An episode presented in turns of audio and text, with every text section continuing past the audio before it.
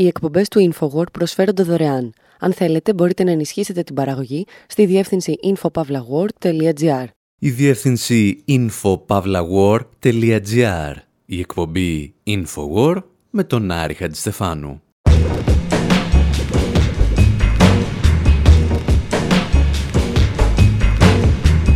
Όπου σήμερα με αφορμή τη συμπλήρωση ενός χρόνου από την κυκλοφορία του βιβλίου μας «Προπαγάνδα και παραπληροφόρηση» σκεφτήκαμε να το δοκιμάσουμε σε μια διεθνή κρίση. Το ξεφυλίζουμε από το πρώτο κιόλας κεφάλαιο προσπαθώντας να εντοπίσουμε ποιες από τις τεχνικές προπαγάνδας που περιγράφουμε χρησιμοποιούνται σήμερα από το κράτος του Ισραήλ. Παρακολουθούμε πολιτές όπλων να κρύβουν επιμελώς την ταυτότητά τους όταν υποστηρίζουν το Ισραήλ και βλέπουμε το Τελαβίβ να δανείζεται μερικές τεχνικές από την κοπαγκάντα, την προπαγάνδα της αστυνομίας. Αναρωτιόμαστε τι σχέση έχει το πλαστικό γκαζόν με τη Μέση Ανατολή και γιατί στη συγκέντρωση των οπαδών του Ισραήλ στην Ουάσιγκτον ήρθαν όλοι με ίδια λεωφορεία. Κυρίως όμως θυμίζουμε την επικοινωνιακή διαφορά του να είσαι άνθρωπος με όνομα και επώνυμο ή ένας απλός αριθμός πάνω σε ένα σώρο πτωμάτων.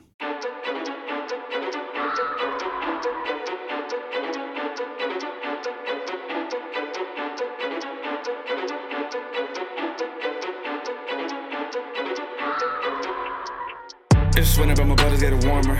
Damn right, me enough for y'all foreigners. Damn right, we brothers like Warner trying to climb to the prime like a damn transformer. Hit the ground running, only way to be seen. When I make a big mess, we keep the scene real clean. Wanna pound my chest, let them know we mean. Yeah, we mean to come big, not sex with dream. But I keep my dreams small, Will Smith said it all. Think about the bricks until you have a wall. So I think about tracks until I have plaques that I hang over gaps over my brick wall. We already made it a matter of when, a matter of beats and a matter of pen. A matter of years till Eminem 10, so I don't time keep like I broke a Big Ben. Ο αραβικής καταγωγής ράπερ Merseik, αν το προφέρουμε σωστά, τραγουδά για μία βόμβα. Είμαι λέει Άραβας, οπότε νομίζεις ότι θα κουβαλάω πάντα μία μαζί μου. Εγώ όμως απλώς υποστηρίζω την Παλαιστίνη και προστατεύω το μυαλό μου από τον ρατσισμό με ένα Iron Dome. Όπου Iron Dome, η σιδερένιος στόλος, είναι φυσικά το αντιεροπορικό σύστημα του Ισραήλ το οποίο, όπως εξηγήσαμε και στην προηγούμενη εκπομπή, χρηματοδοτείται από τις Ηνωμένες Πολιτείες και παρέχεται από αμερικανικές βιομηχανίες όπλων. Το αμερικανικό κράτος δηλαδή παίρνει τα χρήματα των Αμερικανών φορολογούμενων και τα δίνει σε αμερικανικές πολυεθνικές, οι οποίες με τη σειρά τους προσφέρουν επιθετικά και αμυντικά οπλικά συστήματα στο Ισραήλ.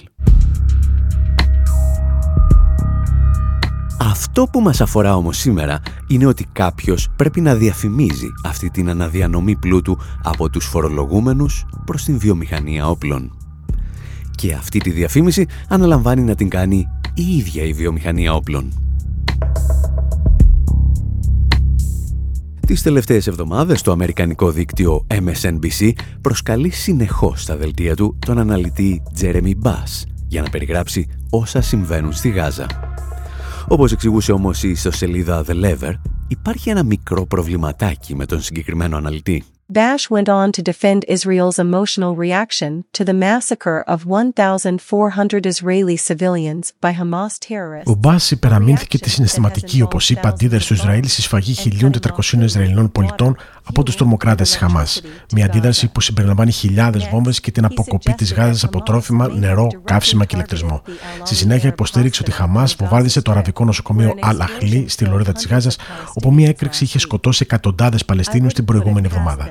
Το MSNBC όμως δεν ανέφερε ποτέ ότι ο Μπάς που υπηρέτησε ως αξιωματούχος CIA και του Υπουργείου Άμυνας στην κυβέρνηση Ομπάμα ηγείται μιας συμβουλευτικής εταιρείας που φέρεται να εργάζεται για το γίγαντα της αμυντικής βιομηχανίας Raytheon. Πρόκειται για την εταιρεία που παράγει πυράβλους για το σιδερένιο θόλο, το αμυντικό σύστημα του Ισραήλ. Το συγκεκριμένο περιστατικό είναι τμήμα ενός επαναλαμβανόμενου μοτίβου. Τις τελευταίες εβδομάδες το MSNBC, το NBC, το CNN και το Fox News προσκαλούν τακτικά πρώην αξιωματούχους άμυνας που πλέον εργάζονται ως σύμβουλοι της βιομηχανίας όπλων για να εξηγήσουν τη σύγκρουση μεταξύ του Ισραήλ και της Παλαιστίνης. Ποτέ όμως δεν αναφέρουν στους τηλεθεατές τους πως αυτοί οι αναλυτές μπορεί να εκπροσωπούν πελάτες με οικονομικό συμφέρον στα θέματα που συζητούνται.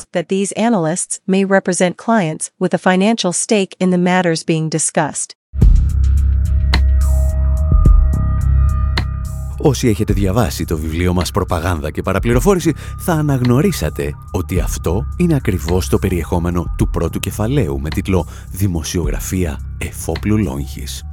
Εκεί δηλαδή που εξηγούμε πως τα μέσα ενημέρωσης ενισχύουν τις πολεμικές βιομηχανίες προσκαλώντας σε πάνελ τους εκπροσώπους τους χωρίς να ενημερώνουν τους τηλεθεατές για αυτή τους την ιδιότητα. Και αυτό ακριβώς κάνουν σήμερα τα αμερικανικά τηλεοπτικά δίκτυα. Προσκαλούν πολιτές όπλων να εξηγούν γιατί πρέπει να πουλήσουν τα όπλα τους στο Ισραήλ, ώστε αυτό να μπορεί να σκοτώνει Παλαιστίνιους.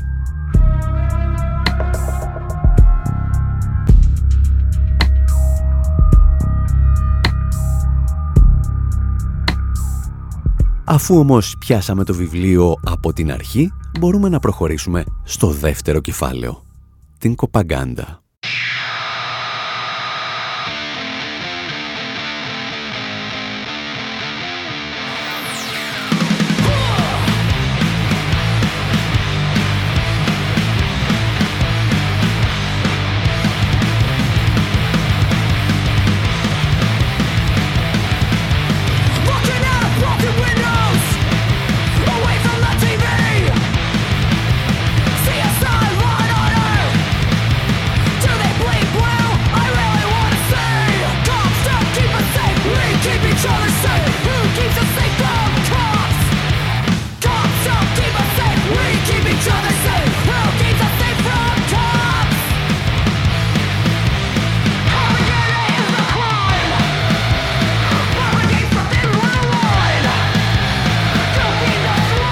Το τραγούδι που ακούμε ονομάζεται Κοπαγκάντα και το έχουν γράψει οι Half Dead, οι Μίμικροι, το οποίο υποθέτουμε είναι η πεσημιστική προσέγγιση σε αυτό που ο Σαββόπουλος χαρακτήριζε νεκροζώντανη, στο κύτταρο. Οι Half Dead περιγράφουν εδώ με κάθε λεπτομέρεια το φαινόμενο της κοπαγκάντα, στο οποίο εμείς έχουμε αναφερθεί πολλές φορές και από αυτήν εδώ την εκπομπή. Πρόκειται για την προπαγάνδα με την οποία η αστυνομία προσπαθεί να εξοραίσει την εικόνα της και κυρίως να συγκαλύψει τα εγκλήματά της. Όπως εξηγούμε και στο βιβλίο «Προπαγάνδα και παραπληροφόρηση», ύστερα από κάθε δολοφονία ενός πολίτη από την αστυνομία, η κοπαγκάντα επιβάλλει τέσσερα βήματα για τη συγκάλυψη των ευθυνών. Και το πρώτο βήμα επιβάλλει να πείσει στην κοινή γνώμη ότι το θύμα ευθύνεται για τη βία που ασκήθηκε εναντίον του. Είναι δηλαδή μία μορφή victim blaming, ένα φαινόμενο που εξηγούμε και στο σχετικό κεφάλαιο του βιβλίου.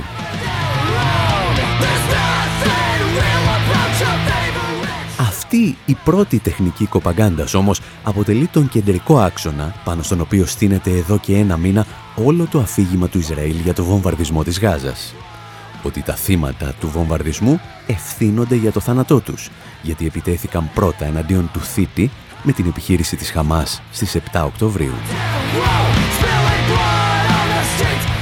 Ευτυχώς για την ανθρωπότητα βρέθηκε ένας χριστιανός να εξηγήσει το προφανές, ότι η ιστορία δεν ξεκινά στις 7 Οκτωβρίου. Τον έλεγαν Αντώνιο Γκουτέρες και τυχαίνει να είναι και Γενικός Γραμματέας των Ηνωμένων Εθνών. It is important to also recognize the attacks by Hamas did not happen in a vacuum.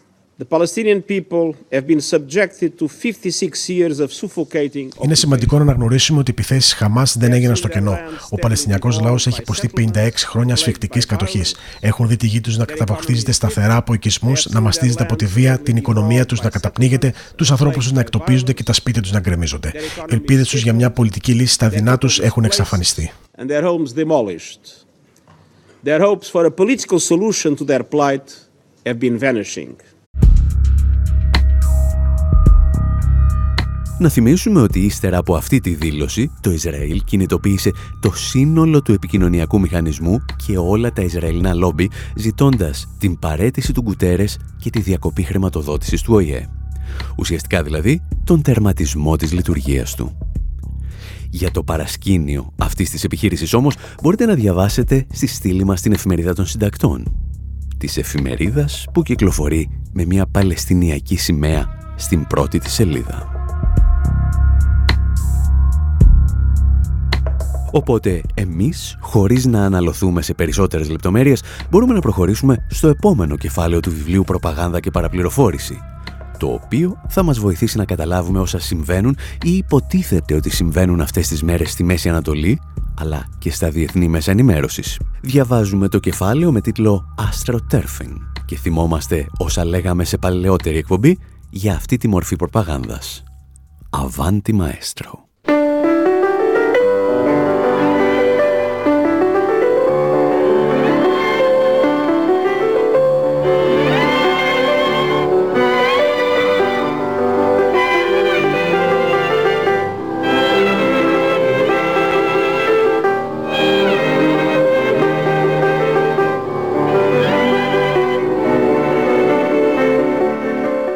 Άνθρωπος που ακούτε στο πιάνο ήταν ο πρώην πρόεδρος των Ηνωμένων Πολιτειών, Ρίτσαρντ Νίξον. Και ο άνθρωπος αυτός, όπως έγινε γνωστό πολλά χρόνια αργότερα, έβαζε υπαλλήλους από το γραφείο του να στέλνουν σε μεγάλες εφημερίδες πλαστές επιστολές, με τις οποίες απλοί πολίτες υποτίθεται ότι επικροτούσαν το έργο του πρόεδρου. Από το 1985 ο Αμερικανός γερουσιαστής Lloyd Benson θα ονομάσει αυτή την τεχνική astroturfing από το όνομα μιας εταιρείας, τα διαφημιστικά της οποίας ακούγονταν κάπως έτσι. AstroTurf is still changing the game, and the past two years have seen some of the biggest changes yet. In 2010, AstroTurf sales grew nearly 200... Η AstroTurf είναι μία από τις μεγαλύτερες εταιρείες στις Ηνωμένες Πολιτείες που παράγουν τεχνητό γκαζόν, δηλαδή ψεύτικο χορτάρι.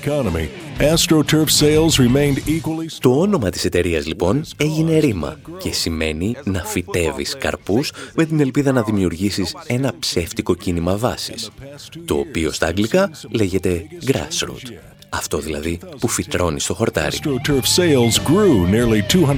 Ο Αμερικανός γερουσιαστής Lloyd Benson είχε υποψιαστεί την ύπαρξη τέτοιων ομάδων όταν άρχισε να λαμβάνει εκατοντάδες γράμματα από υποτιθέμενους πολίτες οι οποίοι του ζητούσαν να στηρίξει μεγάλες ασφαλιστικές εταιρείες. Και υποθέτουμε μπορείτε να φανταστείτε ποιος κρυβόταν πίσω από τους πολίτες και τις επιστολές τους.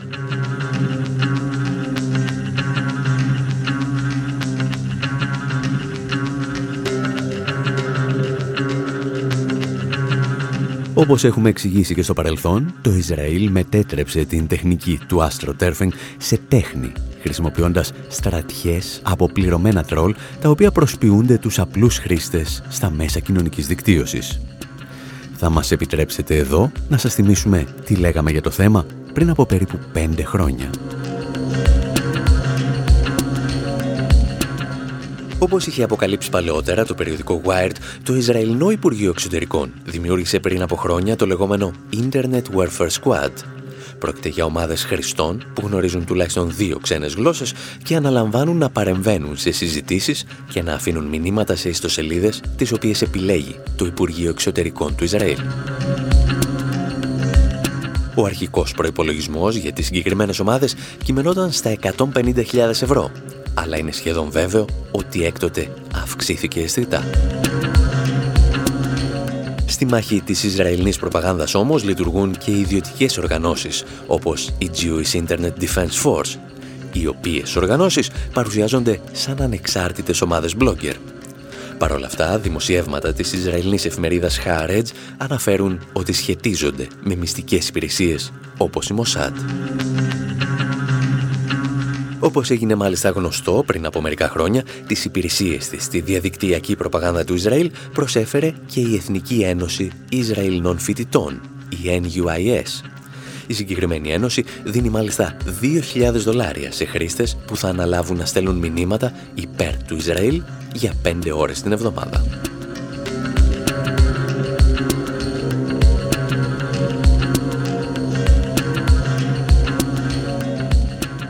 Αυτά λέγαμε λοιπόν πριν από μία πενταετία για τις στρατιές πληρωμένων κονδυλοφόρων του Ισραήλ. Και αν θυμάστε, είχαμε ενταχθεί και εμείς σε μία από αυτές τις ομάδες για να εξετάσουμε τη λειτουργία της.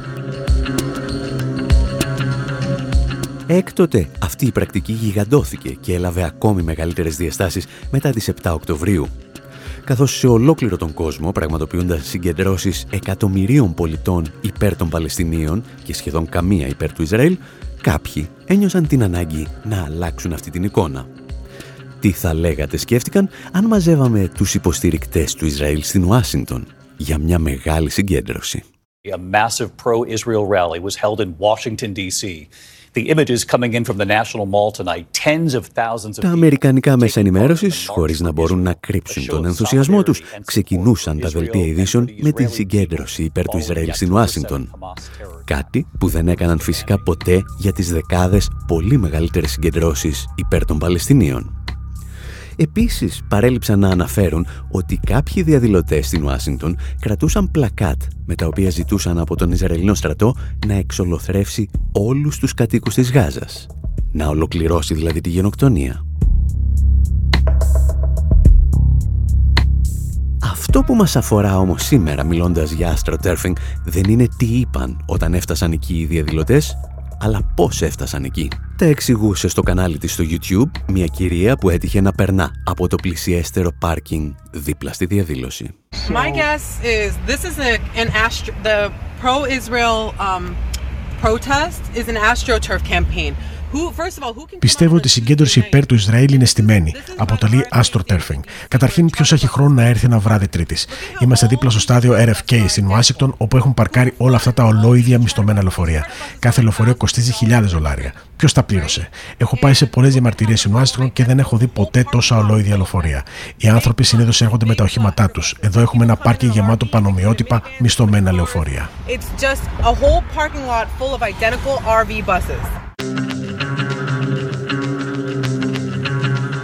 Στην εκπομπή Infowar με τον Άρη Χατζηστεφάνου ξεφυλίζουμε το βιβλίο «Προπαγάνδα και παραπληροφόρηση» που κυκλοφόρησε πριν από ένα χρόνο εξηγώντας πώς μπορεί να το χρησιμοποιήσει κάποιος για να δει και να καταλάβει όσα συμβαίνουν και κυρίως όσα μας λένε ότι συμβαίνουν αυτές τις ημέρες στη Γάζα. Το βιβλίο κυκλοφορεί από τις εκδόσεις «Τόπος» με πρόλογο του καθηγητή Γιώργου Πλοίου και χάρη σε όλους εσάς παραμένει εδώ και ένα χρόνο στα ευπόλυτα των μεγαλύτερων βιβλιοπολίων της χώρας, έχοντας φτάσει τις 15 εκδόσεις σε 12 μήνες. Και να σκεφτείτε ότι σήμερα εδώ έχουμε φτάσει απλώς στο τέταρτο κεφάλαιο. Έχουμε δηλαδή άλλα 29. Γι' αυτό μένετε εδώ, για το δεύτερο μέρος της εκπομπής. Οι εκπομπές του InfoWord προσφέρονται δωρεάν. Αν θέλετε, μπορείτε να ενισχύσετε την παραγωγή στη διεύθυνση infopavlagor.gr.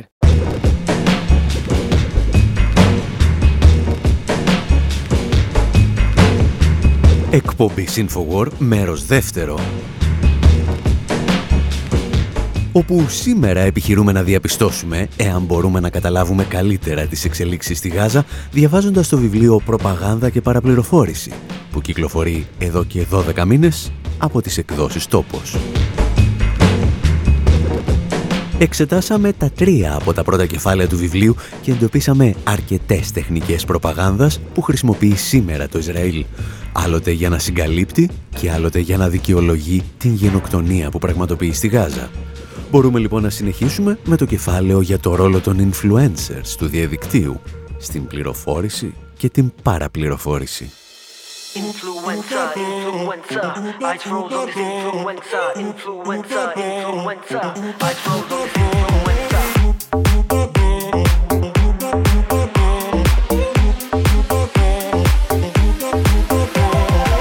Lamborghini, Chipotle, my back So I thought let me check out my Insta Swipe better that I seen one picture Eyes froze on this influencer Influencer, influencer Eyes froze on this influencer Influencer, influencer Eyes froze on this influencer Όσο εσείς θα προσπαθείτε να θυμηθείτε εάν έχετε ακούσει χειρότερο τραγούδι στα 15 και κάτι χρόνια αυτής της εκπομπής εμείς να σας πούμε ότι ακούτε τον Fusion να τραγουδά το Influencer τραγουδά για διαμορφωτές της κοινή γνώμης που ποζάρουν στα μέσα κοινωνικής δικτύωσης δίπλα σε Λαμποργκίνη και άλλα πολυτελειοχήματα. Στο βιβλίο «Προπαγάνδα και παραπληροφόρηση» εξηγούμε πως κυβερνήσεις και πρεσβείες χρησιμοποιούν τέτοιου είδους influencers για να προβάλλουν τις χώρες τους και να συγκαλύπτουν τα εγκλήματά τους. Σήμερα όμως θέλουμε να δούμε κάτι διαφορετικό. Τι συμβαίνει όταν κάποιοι influencers γίνονται ενοχλητικοί για ορισμένα κράτη; Τις τελευταίες εβδομάδες αρκετοί influencers έσπασαν τη σιωπή των κυρίαρχων μέσων ενημέρωσης και προέβαλαν όσα πραγματικά συμβαίνουν στη βομβαρδιζόμενη Γάζα. Και το Ισραήλ αποφάσισε να τους προσεγγίσει. Τα εξηγούσαν οι δημοσιογράφοι του δικτύου TRT. Several social media influencers have spoken out after being offered financial and social incentives by pro-Israeli lobbies to announce their support. Αρκετοί influencers των μέσων κοινωνικής δικτύωσης αντέδρασαν όταν οι Ισραηλινά λόμπι τους πρόσφεραν οικονομικά και άλλα κίνητρα για να ανακοινώσουν τη στήριξή τους για το Ισραήλ και να μεταβάλουν τις αφηγήσει τους. Ένα email που στάλθηκε από κάποια εντός εισαγωγικών παγκόσμια συλλογικότητα ζητούσε από τους χρήστες να προωθούν τα μήνυματά τους με τα hashtag Στηρίζω το Ισραήλ και η Χαμάς είναι η ISIS. Το μήνυμα υποσχόταν να προωθεί τι αναρτήσεις για να έχουν αυξημένη προβολή. Η συλλογικότητα προσπάθησε να προσδώσει νομιμοποίηση στην προσφορά της, αναφέροντας το ίδιο κάνουν διασημότητε όπως η Kim Kardashian, η Madonna και ο Jerry Seinfeld. Παράλληλα, άλλες ομάδες προσέφεραν χρήματα σε δημιουργούς περιεχομένου για να στηρίξουν το Ισραήλ. Παράλληλα, influencers που υποστηρίζουν την Παλαιστίνη ισχυρίζονται πως οι φιλοϊσραηλινές εταιρείες έχουν απειλήσει να ανακαλέσουν τις χορηγίες τους λόγω της δημόσιας στήριξής στους Παλαιστίνιους. Και δεν σταματούν εκεί. Αυτή η Ισραηλινή σελίδα κλέβει φωτογραφίες από φιλοπαλαιστίνους influencers και τις παραποιεί ώστε να φαίνεται ότι στηρίζουν το Ισραήλ. from pro-Palestinian creators and re-editing them to fabricate increased support for Israel.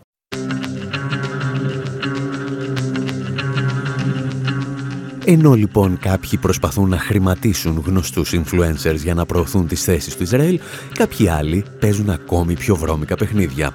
Παραποιούν τις φωτογραφίες από τους λογαριασμούς τους, προσθέτοντας σημαίες του Ισραήλ και άλλα στοιχεία, ώστε να τους παρουσιάσουν σαν υποστηρικτές της φαγής στη Γάζα. Και όταν αυτές οι τεχνικές δεν λειτουργούν, παρεμβαίνουν και οι μεγάλες πλατφόρμες του διαδικτύου, όπως το Facebook και το Instagram, για να εξασφαλίσουν ότι η φωνή των Παλαιστινίων δεν θα φτάσει σε ευρύτερο ακροατήριο. Τα εξηγούσε προημερών το France 24. A lot of pro-Palestinian users and influencers have seen in the past few days, have seen their content removed Πολλοί χρήστες και influencers που στηρίζουν τους Παλαιστίνους έχουν δει τις τελευταίες ημέρες το περιεχόμενό τους να φερείται. Λαμβάνουν μηνύματα από το Instagram πω το περιεχόμενο παραβιάζει τις πολιτικές ή τις οδηγίες τη πλατφόρμας. Άλλοι δεν μπορούσαν να κάνουν ζωντανές μεταδόσεις, ενώ κάποιοι είδαν τα προφίλ τους να μπλοκάρονται. Μια άλλη μορφή λογοκρισίας που ισχυρίζεται ότι εφαρμόστηκε είναι το shadow banning. Με το shadow banning μπορείς να δημοσιεύσεις το περιεχόμενό σου και τίποτα δεν φαίνεται περίεργο, όμως σύντομα καταλαβαίνεις ότι η απήγησή του είναι χαμηλή, με πολύ μικρό αριθμό προβολών, σχολείων και αναδημοσιεύσεων. The reach is very low. So there are very low views, a number of views, shares, um, comments, or even reposts.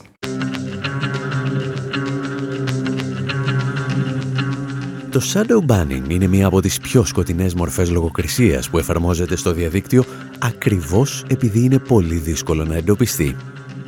Όπως ανέφερε πάντως το France 24, προκειμένου να παρακάμψουν αυτούς τους περιορισμούς, οι influencers χρησιμοποιούν νέες τεχνικές για να ξεγελάσουν τους αλγόριθμους. Now, there has been a memo that's been circulating on Instagram with certain tips and, mm. and techniques of how to exactly how to ensure higher visibility.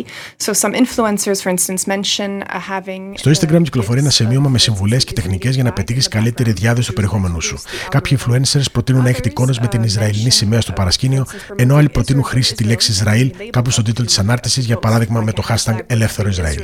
Επίσης, παρατηρήσαμε πως αρκετοί από τους φιλοπαλαιστίνιους χρήστες έχουν μετακομίσει σε άλλες πλατφόρμες όπως το LinkedIn που χρησιμοποιείται συνήθως για επαγγελματική δικτύωση, αλλά πλέον είναι μια εναλλακτική για τις φιλοπαλαιστινιακές φωνές.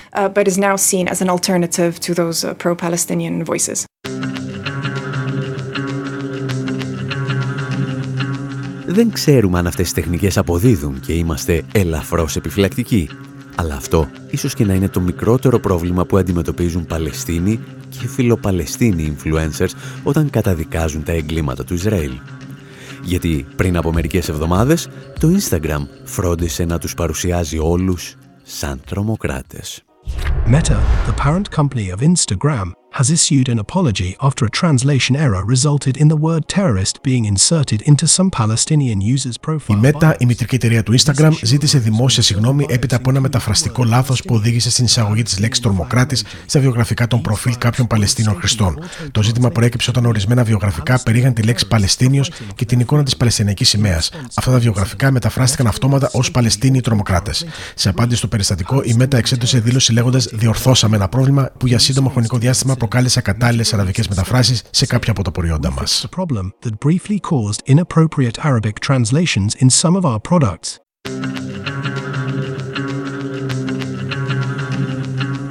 Το Instagram λοιπόν ισχυρίζεται ότι υπήρχε ένα bug το οποίο όποτε έβλεπε τη λέξη Παλαιστίνιος στα αραβικά την μετέφραζε σαν τρομοκράτης στα αγγλικά. Και εμείς που έχουμε κάθε καλή πρόθεση να πιστέψουμε το Instagram αναρωτιόμαστε εάν θα υπάρξει ποτέ ένα ανάλογο bug που όταν βλέπει τη λέξη Ισραήλ να την αντικαθιστά με τη λέξη γενοκτονία. Οι πιθανότητες πιστεύουμε να γίνει ένα τέτοιο λάθος είναι οι ίδιες που έχεις όταν αφήσεις μία μαϊμού να χτυπά τυχαία πλήκτρα σε ένα πληκτρολόγιο και αυτή καταλήξει να γράψει το σύνολο των έργων του Σέξπιρ. Παρεπιπτόντως, οι επιστήμονες αποκαλούν αυτό το ενδεχόμενο Infinite Monkey Theorem, ας το πούμε το θεώρημα της μαϊμούς που πληκτρολογεί επάπειρον.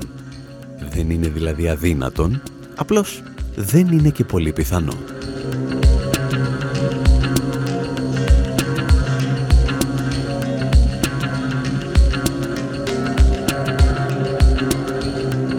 Στα μέσα κοινωνικής δικτύωσης λοιπόν δίνεται μία από τις σκληρότερες μάχες προπαγάνδας και λογοκρισίας σε βάρος των Παλαιστινίων που έχουμε δει τις τελευταίες δεκαετίες. Επειδή όμως αυτές οι τεχνικές δεν φαίνεται να αποδίδουν πάντα, κάποιοι επιστρέφουν και σε πιο παραδοσιακές μορφές προπαγάνδας μέσω διαφημιστικών μηνυμάτων. Γεγονός που μας οδηγεί στο 8ο κεφάλαιο του βιβλίου «Προπαγάνδα και παραπληροφόρηση» με τίτλο «Η αόρατη διαφήμιση».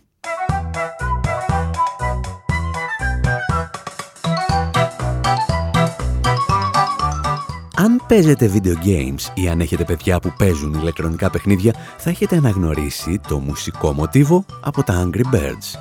Ένα video game που απευθύνεται σε παιδιά 5 ετών και άνω, έως και πολύ άνω.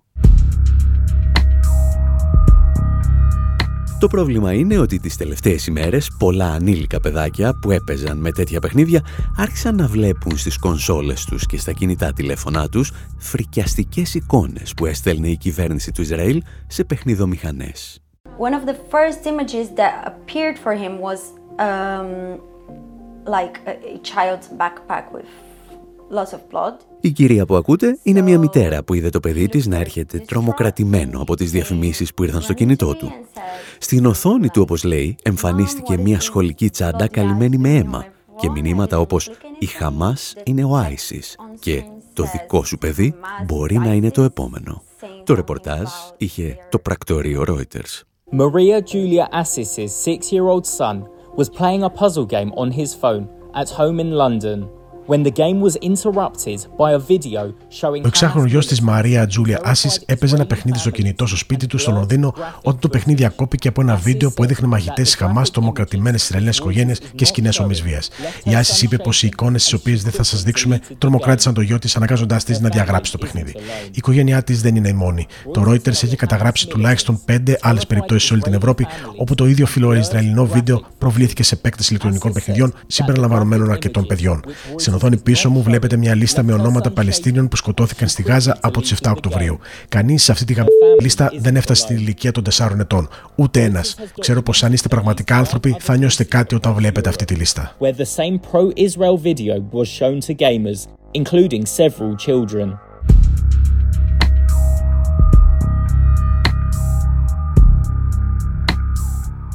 Η περίπτωση των διαφημίσεων με σκληρές εικόνες βίας και αίματα που προωθούσε η κυβέρνηση του Ισραήλ σε παιδικά ηλεκτρονικά παιχνίδια είναι φυσικά ανήθικη. Αλλά αυτό δεν είναι το μοναδικό πρόβλημα. Το πρόβλημα είναι ότι αν οι Παλαιστίνοι προωθούσαν ανάλογες εικόνες σε διαφημίσεις, οι πλατφόρμες του διαδικτύου θα τις έκοβαν αμέσως.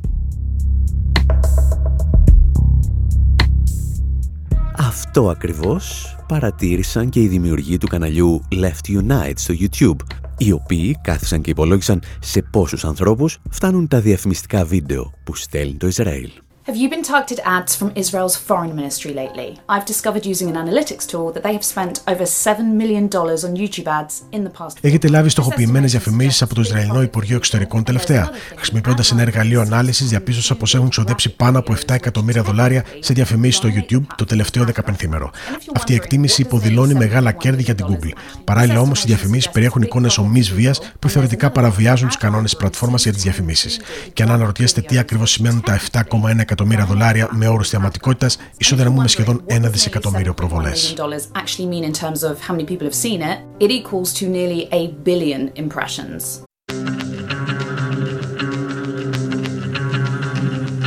Το YouTube λοιπόν λαμβάνει εκατομμύρια δολάρια από το κράτος του Ισραήλ για να προωθεί βίντεο τα οποία σε διαφορετικές περιπτώσεις η πλατφόρμα θα έκοβε λόγω του περιεχομένου τους.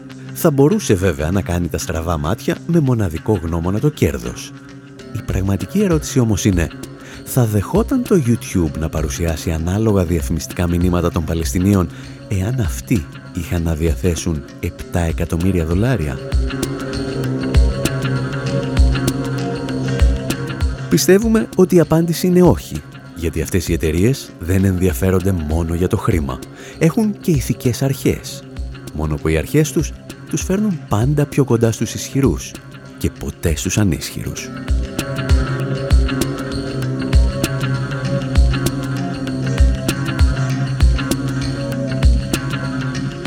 Στην εκπομπή Infowar με τον Άρη Χατζηστεφάνου ξεφυλίζουμε κεφάλαια του βιβλίου «Προπαγάνδα και παραπληροφόρηση» για να δούμε εάν οι τεχνικές που περιγράφουμε χρησιμοποιούνται σήμερα από το Ισραήλ και τους υποστηρικτές του. Και κάπου εδώ φτάνουμε στο κεφάλαιο με τίτλο «Το όνομα μετράει». Ξεναγός μας, ο Αμερικανός ραπέρ Red Veil.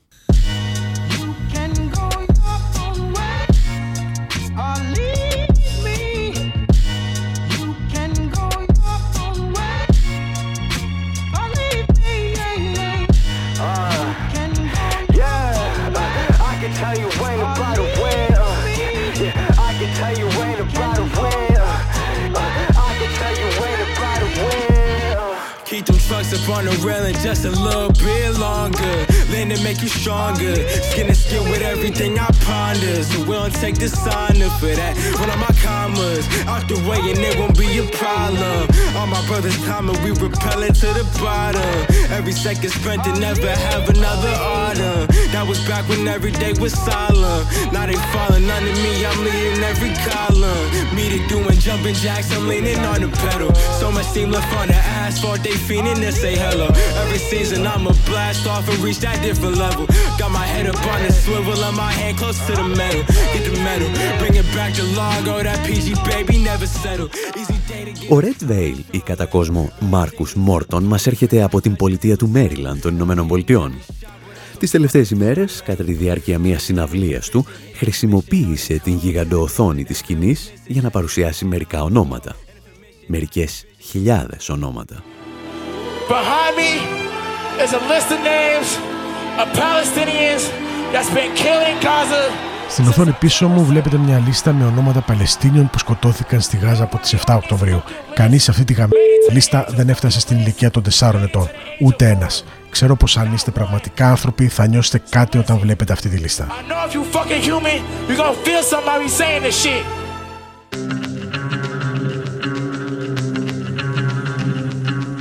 Αυτό που έκανε ο Red Veil ήταν να δώσει όνομα στα χιλιάδες παιδιά που έχει δολοφονήσει το Ισραήλ και τα οποία εμείς οι δημοσιογράφοι επιμένουμε να σας παρουσιάζουμε μόνο σαν αριθμούς. Γιατί αν το θύμα αποκτήσει όνομα, γίνεται αυτομάτως άνθρωπος. Και αυτό είναι το τελευταίο πράγμα που θέλει να συμβεί ένας δολοφόνος. Ειδικά ένας κατά δολοφόνος ή ακόμα χειρότερα ένας γενοκτόνος.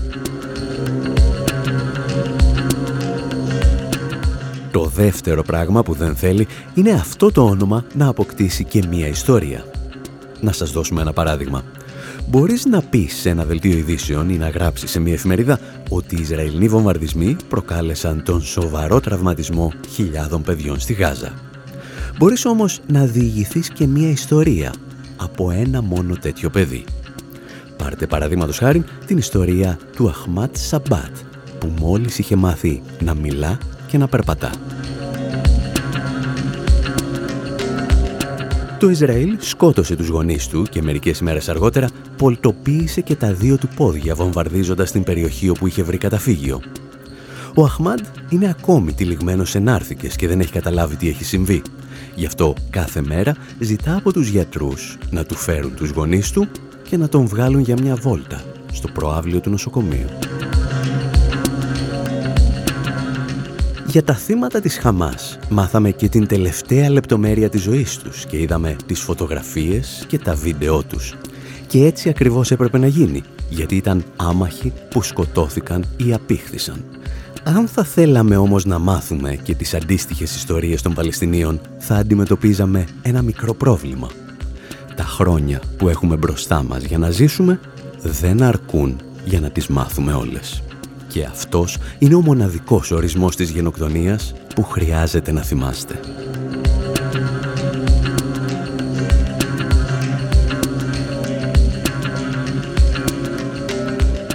Εμείς πάλι κάπου εδώ θα σας αφήσουμε και για αυτή την εβδομάδα. Προλάβαμε να ξεφυλίσουμε μόνο έξι από τα 33 κεφάλαια του βιβλίου «Προπαγάνδα και παραπληροφόρηση» που κυκλοφορεί από τις εκδόσεις «Τόπος». Ένα βιβλίο που νομίζουμε ότι θα σας βοηθήσει να καταλάβετε λίγο καλύτερα όσα πραγματικά συμβαίνουν στη Μέση Ανατολή και τους τρόπους με τους οποίους αυτές οι πληροφορίες φτάνουν διαστρεβλωμένες στις τηλεοράσεις σας. Μέχρι την επόμενη εβδομάδα πάντως, από τον Άρη Χατζηστεφάνου στο μικρόφωνο, τον Ανδρέα Κοσιάρης στις μεταφράσεις και τον Δημήτρη Σταθόπουλο στην τεχνική επιμέλεια, γεια σας και χαρά σας.